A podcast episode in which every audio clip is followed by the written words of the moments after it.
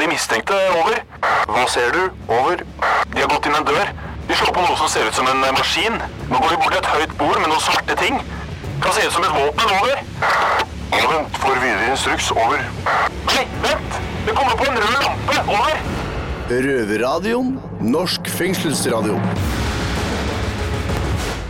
I dag så åpner jeg øya, og i nesa mi har jeg lukten av nykverna kaffe. Luksus, tenker jeg. Ja. Luksus, tenker jeg. Kaffe på senga, ikke sant? Men hva er det som er greia? Det ble ikke noe kaffe på senga. Ikke faen, de har bare dratt i gang med et jævla barista-kurs og tatt over hele fellesskapsavdelinga vår. Men eh, nei, så eh, først en opptur, eh, oppfulgt av en skikkelig nedtur med at du Ja. har kaffe med meg. Dere der ute, dere hører på Røverradioen rett fra Oslo fengsel. Jeg er Fredrik, jeg sitter her med Ginovic Yo, yo. og. Hva skjer, Kjetil? Nei, bra. Ja, er det noe Hva, hva, hva skjer i sendinga i dag? Nei, altså Det kommer jo en sånn forfatter da, som heter Lena Lindahl, som skal til Bredtvet for å snakke om eh, hvilken rolle Bredtvet fengsel spilte under andre verdenskrig. da. Så Bredtvet kvinnefengsel var oppe og gikk under andre verdenskrig? Ja, det var sånn en jødeinterneringsleir. Såpass, ja. Det blir spennende å høre. Det blir spennende å høre. Ginovic. Ja, vi skal også snakke om at uh, det var en i Oslo fengsel som hadde jævla lyst på en Big Mac. Men det får du ikke her inne, da. Men det får du ikke her inne, så da han hadde bare én mulighet til det for å få det. Og det var å stikke av. Såpass, ja. Ja. Såpass, ja. Ok, greit. Så vi har en rømning. Ok, Det blir spennende å høre om. Det blir spennende å høre om. Uh, ja. Vi har jo sånne røvertabber som vi gutta her inne snakker om. Ja. Det vil si at vi snakker om noe eh, ting som eh, kanskje var gangstershit eh, da, men som blei så mislykka at det endte opp som en røvertabbe. Så dette her blir en proppa sending. Ja, det blir heftig nå. Ok, greit. Da kan vi se fram til en halvtime med sinnssyk radio. Yes. Yes, sir! Det er bare å glede dere.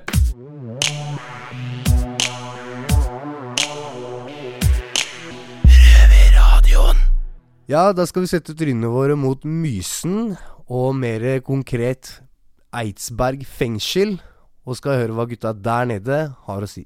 Røverradioen. Nei, noen går litt mer inn og ut av fengselet enn andre. Som vår nye røver her. John Tony høres ut som en drink som heter gin tonic. Jeg heter Kayan fra Indre Østfold fengsel, avdeling Eidsberg. Nå står jeg med vår nye røver John Tony. Fortell litt om deg selv. Ja, det er jo ganske mye å fortelle, da. Men eh, jeg er 45 år, har en sønn på 25. Jeg kommer fra Mysen, eh, bor 20 minutter nede i gata her. Eh, Ja, hva skal jeg fortelle? Jeg har 18 tidligere dommer. Første dommen min var i Eidsberg fengsel. Jeg ble 18 her. Ja. Og ja, jeg er utdanna barne- og ungdomsarbeider. Ja. Er det ikke litt ironisk barne- og ungdomsarbeider? Du hadde kanskje trengt barne- og ungdomsarbeider selv litt før i tida, kanskje? Ja, det stemmer, vet du. Men, og det er jo kanskje mange som tror at man ikke kan bli barne- og ungdomsarbeider når man har et uh, rulleblad. Men det stemmer faktisk ikke, for uh, det er, trenger ikke ha ren vandel for å bli det. ja, du sa du har vært inne og ut 18 ganger, var det det du sa? Ja, 18 dommer har det da blitt, altså. Det har blitt en del. 18 dommer, ja. Er du som vanekriminell som bryter seg inn hos uskyldige folk og er som samfunnsplage, eller? Nei. Eh, det er til å le av, men er, jeg er ikke i den kategorien. Og jeg er egentlig helt mot eh, sånne ting. For eh, å hoppe på privatpersoner, det syns jeg ikke man skal gjøre. Ja. Men jeg har hatt tre lange dommer, eller lengre dommer, på tre år av gangen. Med seks måneder cirka mellomrom. da. Såpass, ja. Ja, så det har jo blitt ca. 16 år inne til sammen. da. Eh, Har du tenkt å komme inn igjen, eller er det siste gangen? Hva tror du òg? Ja, nå har jeg sagt at det har vært siste gangen mange ganger, da, men eh, nå det siste året her som jeg har vært ute, da, så har jeg rydda opp i livet mitt da, og rydda opp i, i alt sammen ute. For eh, du må jo ta tak i ting sjøl for å så bli fri eh, fra dette systemet som er ute. Ja, det er det alle sier. Jeg tror du har flere år i fengselet, for å være helt ærlig. ja, så, ja, du ser jo sikkert kjente folk som går på utsiden og sier hei, hei, hei, det er meg, gin tonic Nei, sorry, John Tonic. Ja. Ja, eh, jeg, jeg ser jo kompisene kjører forbi her hver dag, da, som får jobben og sånn. Og de eh, har jo jobb rett nede i gata her, så de tuter og sånn. Men da har jeg bedt dem også la være å tute, da, for det er litt småplagsomt. Ja, du, et spørsmål som øh, flere her øh, har egentlig stilt seg sjøl. Fins det folk i Mysen, for det første? Og fins det faen så mange kriminelle? Faktisk er utrolig, men sant, så er det ganske mange kriminelle eh, her i Mysen. Eh, eh, eh, ja, du kan vel eh, Så finner de vel annethvert hus bortover her, nesten, vel? Ja. Eh, eh, hvorfor, tror du det er hvorfor tror du det er sånn at det er veldig mange kriminelle her i Mysen? Hva får deg til å tro det? Jeg, jeg tror at det kanskje ligger i at uh, folk som har bodd i storbyen og sånn, da, er lei av alt dette her mas og jaget i storbyen med poliser som er etter deg hele tida og sånn, og så flytter de ut hit på landet da, for å prøve å bli kvitt uh, polisproblemet, da, men uh, de er like mye her, vet du. Ja, Fins det politi her òg? Ja, de sier sånn, men øh, nå la de jo ned lensmannskontoret her, da. Så, så du ser vel kanskje politiet kanskje en gang i uka nå, da. Er du heldig? Ja, vi har kommet til det lovløse land. Nei, men eh, da sier vi takk for oss, og så hører vi litt mer fra John Tony etter hvert. Ja.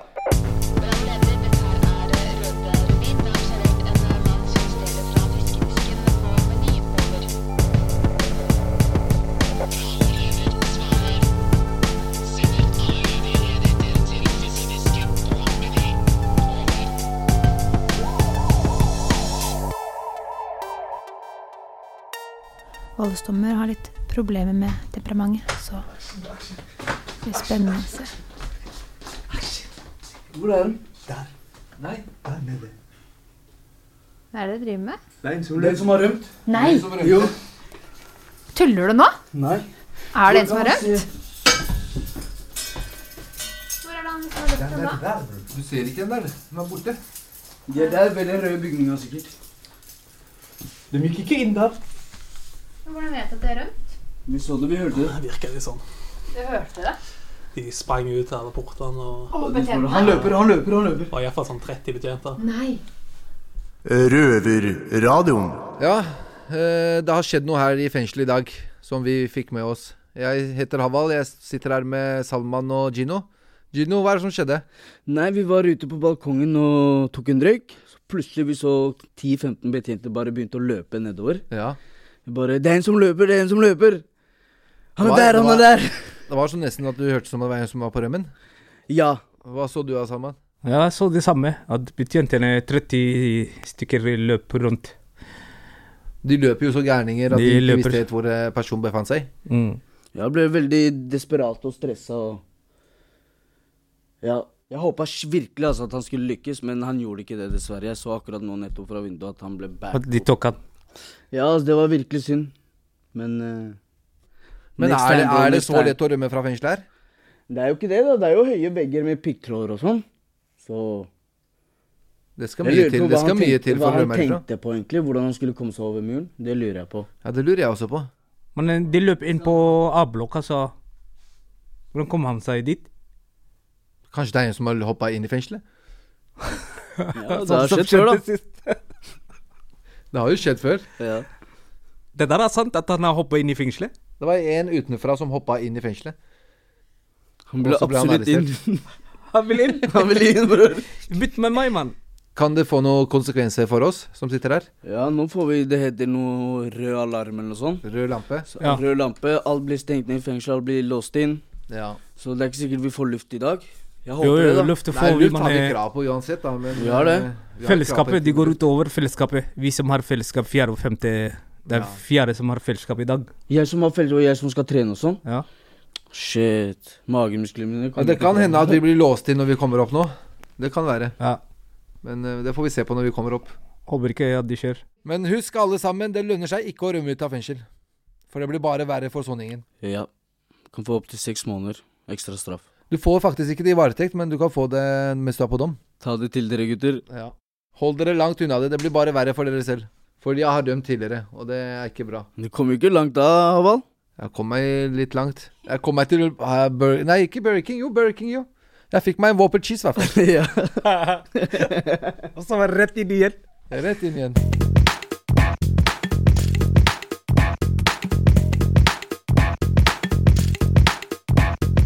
Noen ganger så er vi så heldige at vi får besøk inn i Røverradioen og inn til fengslene våre. Og i dag er det Bredtvet kvinnefengsel som har vært så heldige og fått besøk av en forfatter.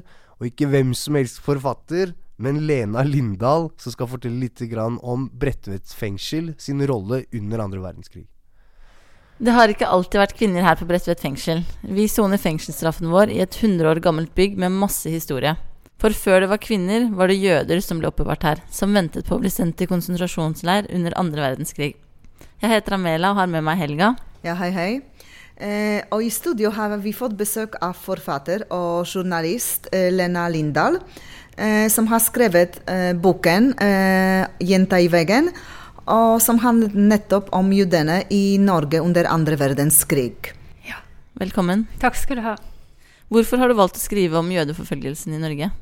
Eh, Det er et tema som jeg syns blir mer og mer viktig i Norge i dag. Eh, Og så kom jeg tilfeldigvis over eh, en relativt skjult, ukjent historie om ei norsk jødisk jente som greide å overleve norske holocaust eh, to og et halvt år i en hytte. Takket være en venn som hadde bygd et hemmelig rom inne i en vegg. Nå sitter vi på Bredtvet fengsel, hvor Rover Radio sendes fra. Og hva vet vi om jødene som har sittet på Bredtvet? Jo, vi vet eh, litt. Eh, altså Familien til Betzy Rosenberg de satt eh, her. De kom eh, sammen med veldig mange andre eh, jøder fra eh, Trondheim og ellers nordover. Da hadde det allerede vært en del her fra andre deler av landet. Nå satt de vel I begynnelsen av desember så var de 71 stykker her. Og i eh, slutten av februar var de 158. Eh, vi vet at de eh, hadde det mye bedre her enn i eh, leirer som f.eks. Falstad, som var, ligger nord for Trondheim, som var en eh, konsentrasjonsleir hvor det foregikk brutale angrep på jøder, og også drap. Eh, de fikk nesten ikke mat, eh, hadde dårlige klær. Da de kom til Bredtvet, eh, så er det noen som beskriver det som å ha kommet fra helvete til himmelen.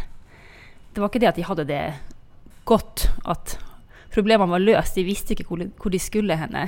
Men forholdene her var bedre? Forholdene var bedre her. Og det var ikke det var kun øh, stort sett da unge menn som ble satt til arbeid. Men det var ikke det beinharde slavearbeidet som var i leirene. F.eks. på Berg og, ja, og Falstad, som jeg nevnte. I den boken eh, så nevner du eh, noen fragmenter av brev Mm. som ble skrevet. Kan du fortelle noen om det? Ja, eh, jeg fant noen brev, bl.a. Eh, skrevet av ei ung dame som heter Rebekka Sokolski. Jeg kalte henne for Bex. Hun var eh, 30 år, og hun satt her med ei datter på to og et halvt år. Eh, de ble eh, etter hvert også eh, deportert til Auschwitz, og de kom aldri mer tilbake. Men hun skriver jo da det nærmer seg jul, og de ønsker seg litt juleknask, og hun spør en venn om han kan være så snill å, å sende det til dem. Og så sier hun at vi venter bare på at vi skal bli sendt til Polen, vi også. Så det er klart de hadde mm, hørt om ryktene, men de ante jo ikke hva de ryktene eh, faktisk innebar. Det var ikke bare en arbeidsleir som noen eh, trodde, det var også en utryddelsesleir. Eh, og det Dessverre, den eh, natta de ble eh, den natta de kom frem til Auschwitz, eh, det var natt til 3. mars, så ble de sendt rett i gasskammeret. Det er også brev fra en som heter Julius Partiell, som er en av de mest kjente tidsvitnene vi har. For han faktisk overlevde to og et halvt år i Auschwitz. Han satt også på Falstad og har i intervjuet sagt at han syntes de verste opplevelsene han hadde, var der. Så det sier jo litt, litt om også hvor fæl, den leiren var. Men han, eh, han sitter her og forteller om eh, han og en som heter Leif, eh, som eh, etter forholdene har det bra. Eh, de, eh, de sier at det er eh, altså, De sier at faktisk at de kommet fra et helvete og opp i et paradis. Fordi de mente at eh, Bredtvet tross alt hadde eh, mat. Eh, de fikk eh, Det gikk veldig mye i eh, lutefisk og eh, litt sånn eh, ja, jeg tror også klippfisk. Eh, men hver søndag så fikk de lapskaus, og det syntes de var så flott. De var ikke vant med å få det oppe på Falstad. Eh, og de forteller om hvordan de eh, snek seg ut i gangen og ga eh, vakta litt eh, skråtobakk så han gikk og la seg, så de kunne stå og flørte med jentene. Og, eh, og hadde det egentlig eh, ikke så aller verst i forhold til det, hvordan det hadde vært. Men det ligger også et veldig stort alvor. Han skriver f.eks. om kvelden når vi har lagt oss, må vi, for vi ligger nemlig ved siden av hverandre, så går praten ofte, og tankene også tilbake til de hyggelige ganger vi fikk lov til å være sammen. Og det her er da en eh, ung mann på 18 år som eh, sitter i en eh, fremmed by i, i fengsel fordi han er jødisk, og ingen annen grunn, sammen med andre barn. Det minste barnet var ett og et halvt år. For at her på Bredtvet så satt kvinner og barn, Kvinner og, og, barn menn, og menn. Ja. sammen. De satt i en Mm. eh, brakke, eh, for det var, det var eh, ikke plass ellers. Så de fikk en brakke. Og det var også eh, samme Leif som han skrev brevet sammen med. Dette brevet blir skrevet før jul, men etter jul så var faktisk Leif en av de fire som greide å flykte fordi de hadde kontakt med motstandsbevegelsen, så hadde de en avtale om at en bil skulle stå eh, parkert eh, bak en sving her i fem dager på rad. Dvs. Si de hadde fem forsøk på å eh, greie å komme seg herifra. Og eh, luftepausen om kvelden var på 10-15 minutter. Eh, da måtte de greie å komme seg over et plankegjerde på 2,5 meter med piggtråd øverst. Så hadde de greid å få tak i trådsaks og greide faktisk å klatre over og komme seg over til eh, Sverige.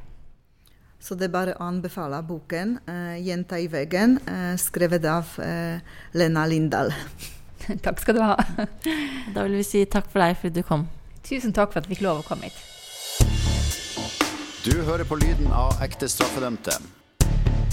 Røverradio. Hver lørdag på NRK P2 halv fire. Og når du vil som podkast.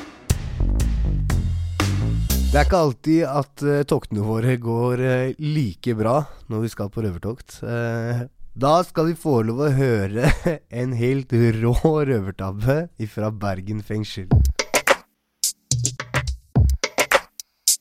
Hei, hei, og velkommen til Røverradioen i Bergen fengsel.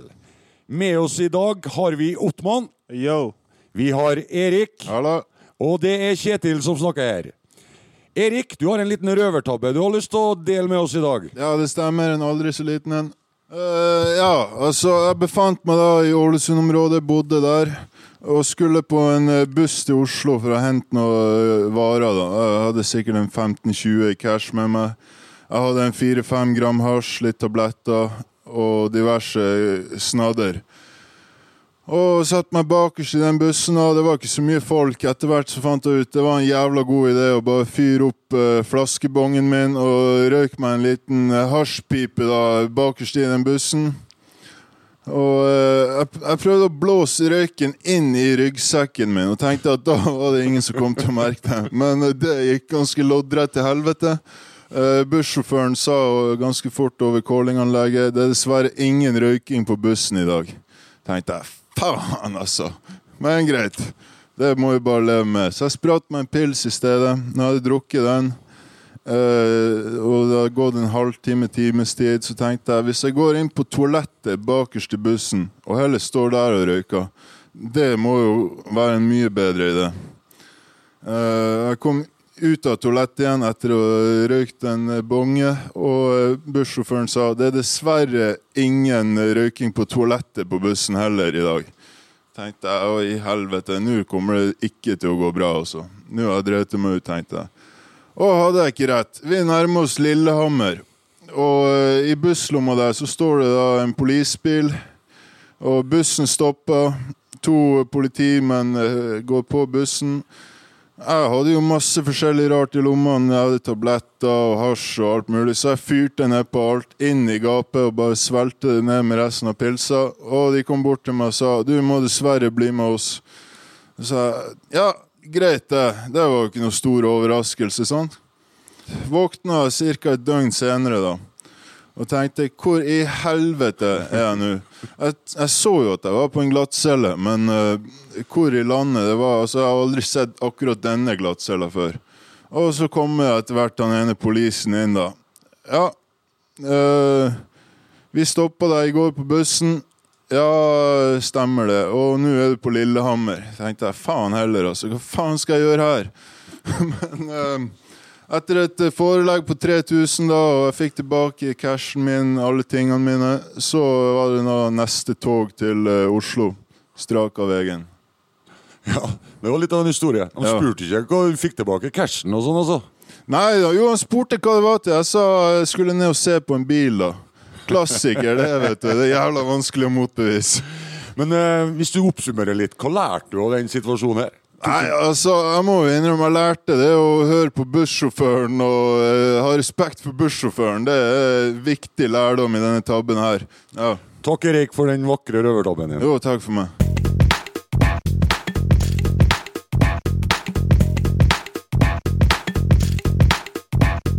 Hvis du tror at du har mista alt når du havner i fengsel, så tar du feil. Ja. Jeg står her med Gino, som nettopp har blitt fratatt TV-en sin. Som han hadde på cella. Hva skjedde, Gino? Jeg, mis mista TV-en på rommet, ass. For grunn av, I går vi fikk eh, besøk av politiet i fengselet. Så begynte jeg å rope ut av 'fuck the police', horer osv. Men hvorfor det? Jeg, jeg liker ikke politiet, da. Jeg er ikke glad i dem. Hvorfor kommer politiet? Nei, det er sånn at eh, når en ambulanse kommer, så må politiet bli med, liksom. Mm. For å eskortere dem, eller jeg vet da faen. Og der henger du ved vinduet og Og der henger jeg på vinduet og ser utafor og skriker. Og så ble du tatt. Så ble jeg tatt på fersken. På fersken, ja. På fersken. Men øh, visste du at du, du kunne miste TV-en om du hadde gjort det? Det visste jeg faktisk, ellers hadde jeg ikke gjort det. Fikk du noe advarsel i forkant? Ikke noe advarsel, ingenting. Bare operativlederen kom rett inn på rommet. Ja, Gino, du har ropt ut av vinduet, nå mister du TV-en. Hvor lenge mister du TV-en nå? Tre dager. Men er ikke det kjipt, da? Uten TV?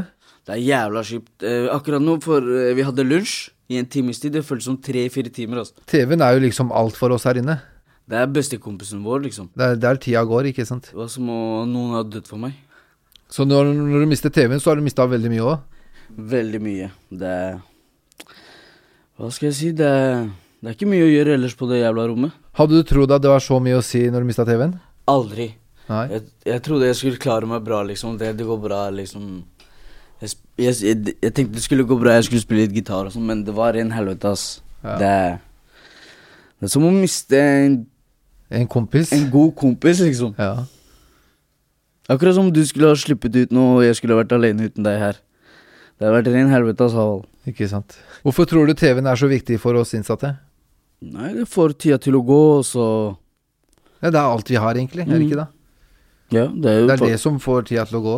Det er faktisk det, altså. Hvor mange timer sitter du på cella om dagen, da? Cirka 20 timer. På avdelinga di? Ja. Det er såpass, ja.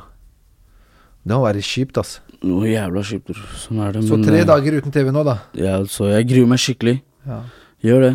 Men eh, så du mye på TV ut, på utsiden, da? Faktisk ikke, altså, bror. Jeg var alltid opptatt, gjorde mine ting. Bare fram og tilbake. Det er her i fengselet man ser mye på TV. Så jeg ble skikkelig avhengig av TV, altså. Det Men eh, hvorfor gjorde du det der egentlig i det hele tatt? Hvorfor skreik du ut av vinduet? Nei, eh, Alle de andre begynte å rope, ikke sant, resten av fengselet, så jeg ble revet med, da. Er det vanlig? Ja, det er helt vanlig når politiet kommer der det action skjer, liksom. Da alle skriker ut av Alle vinduet? skriker. Fuck dere, fuck the police, dra til helvete. Så jeg anbefaler deg hai javalito. Ikke rop ut av vinduet. Nei, jeg gjør ikke det. Du gjør ikke sånt, du. Du Nei, er nei, du. nei, du. nei, nei. Jeg ser nesten ikke ut av vinduet engang, jeg. nei, Gino, jeg ønsker deg lykke til, og ikke skrik ut av vinduet en gang til. Tusen, tusen takk, Haval. Yes, ja, jeg skal høre på den rådet der.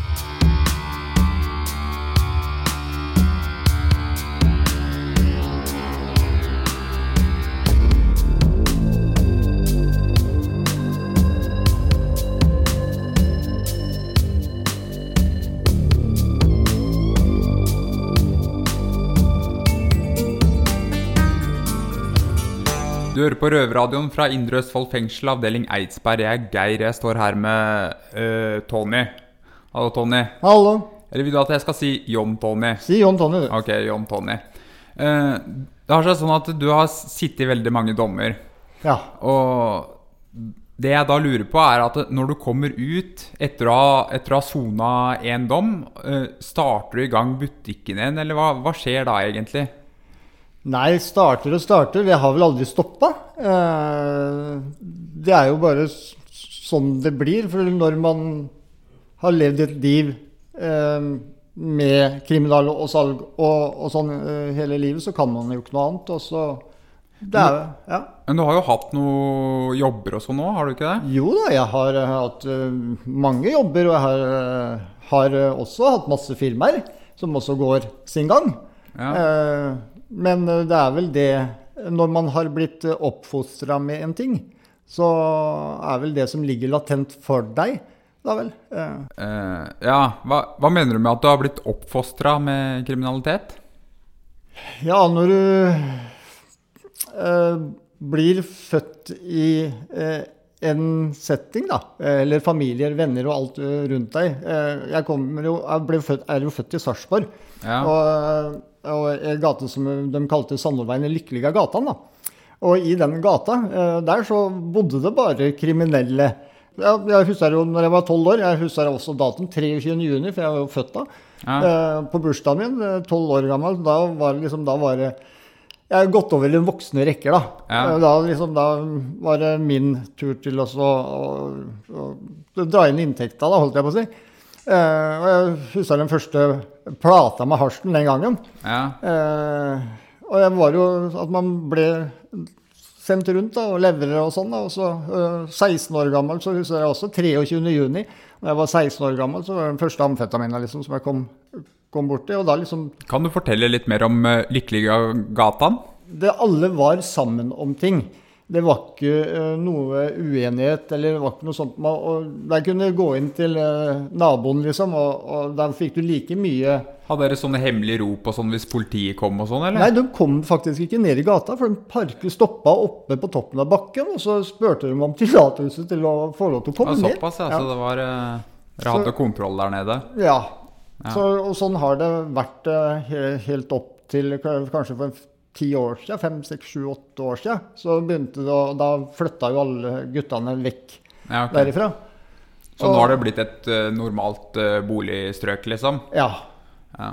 Eh, Men eh, da, var det noen sjefer der, eller var det liksom Altså var det sånn, litt sånn mafiaaktig, eller? Ja, det, ja, man kan kanskje kalle det på en måte mafiaaktig. Det var jo De eldste var det eldste, Ja. Og vi Var organisert, liksom? Dere, Ja, dere som barn også løp rundt med plater og Man så jo opp til de eldre. Ja. Og da, sånn har det jo blitt også når jeg har blitt eldre. Så ser jeg jo det at de yngre også ser opp til meg. Men jeg prøver jo, og har prøvd hele tida, også få dem til å styre en annen retning, da. Men Nei, jeg kan forstå godt nå, sånn som du forklarer det, sånn at eh, hvorfor du på en måte har blitt eh, kriminell da. Altså, du har jo på en måte fått det inn fra du var eh, ung og sånn, og det å komme seg ut av det, ikke sant. Det er jo primær og sekundær sosialisering, ikke sant. Så Ja, Det er vel sånn som ikke bare å- ser, ser på Oslo og sånn nå, da. Og, og gjenger. Og den gangen, på den tida så var det jo A og B og gjengen og alt dette her. Man ser jo også man ser jo det at uh, hvis man tar det i sammenligning med oss, da, så var det jo nesten akkurat det samme. Akkurat som en klubb, da. ja. Ja. Bare at det var ikke det navnet, da. Ja. ja, men uh, tusen takk for uh, historiene dine, John Tony. Ja, den uh, sendinga her levde jo opp til forventningene nok en gang. Jeg gjorde det. Og uh, Kjetil, Ja? har du noen høydepunkter fra dagens sending, eller? Ja, altså, rømningsforsøket var jo litt, eh, var litt uh, kult å høre på, da. Ja? Hva, hva, hva, hva syns du var kult med rømningsforsøket? Nei, uh, jeg syns det var Nei, uh, nei, jeg, s- nei, jeg syns det var litt sånn ukult at han ikke kom seg over, da. Det hadde, hadde vært litt nice, liksom. Ja, det hadde, vært, det hadde vært bedre hvis han hadde klart å komme seg ut, kanskje. Ja. Eh, og jeg skal opp på cella nå. Legge meg ned. Jeg begynner å bli litt sjuk og dårlig. Så det blir å låse seg for min del. Hva er det du skal når du skal opp? Nei, jeg har jo eh, fellesskap, da. Ja. Og for de der ute som ikke vet hva det er, så er det et, at du liksom får en sånn time da felles med alle andre på avdelinga. Ja. Der du kan trene eller spille biljard og Ikke sant? Sånn som du se på film, rett og slett. Ja. Og hvis folk der ute skal høre oss, hvor er det de gjør det? Eh, det kan jeg enten gjøre på Radio Nova klokka 18 på fredager. Eller så kan de gå på P2 lørdager klokka 15.30. 15.30, og når du vil på podcast. Podcast, ja. Og så besøk eh, sida vår på Facebook. Da. Takk for oss. Takk for i dag. Å ja, ja, ha det, ha det. Ciao. Det har vært stille fra over en time. Hva skjer? Over. Det er bare et radioprogram. Det er lettere å høre på dem der. Over. Ja, vet du når det går, da? Over. Det er samme tid og samme sted neste uke. Over.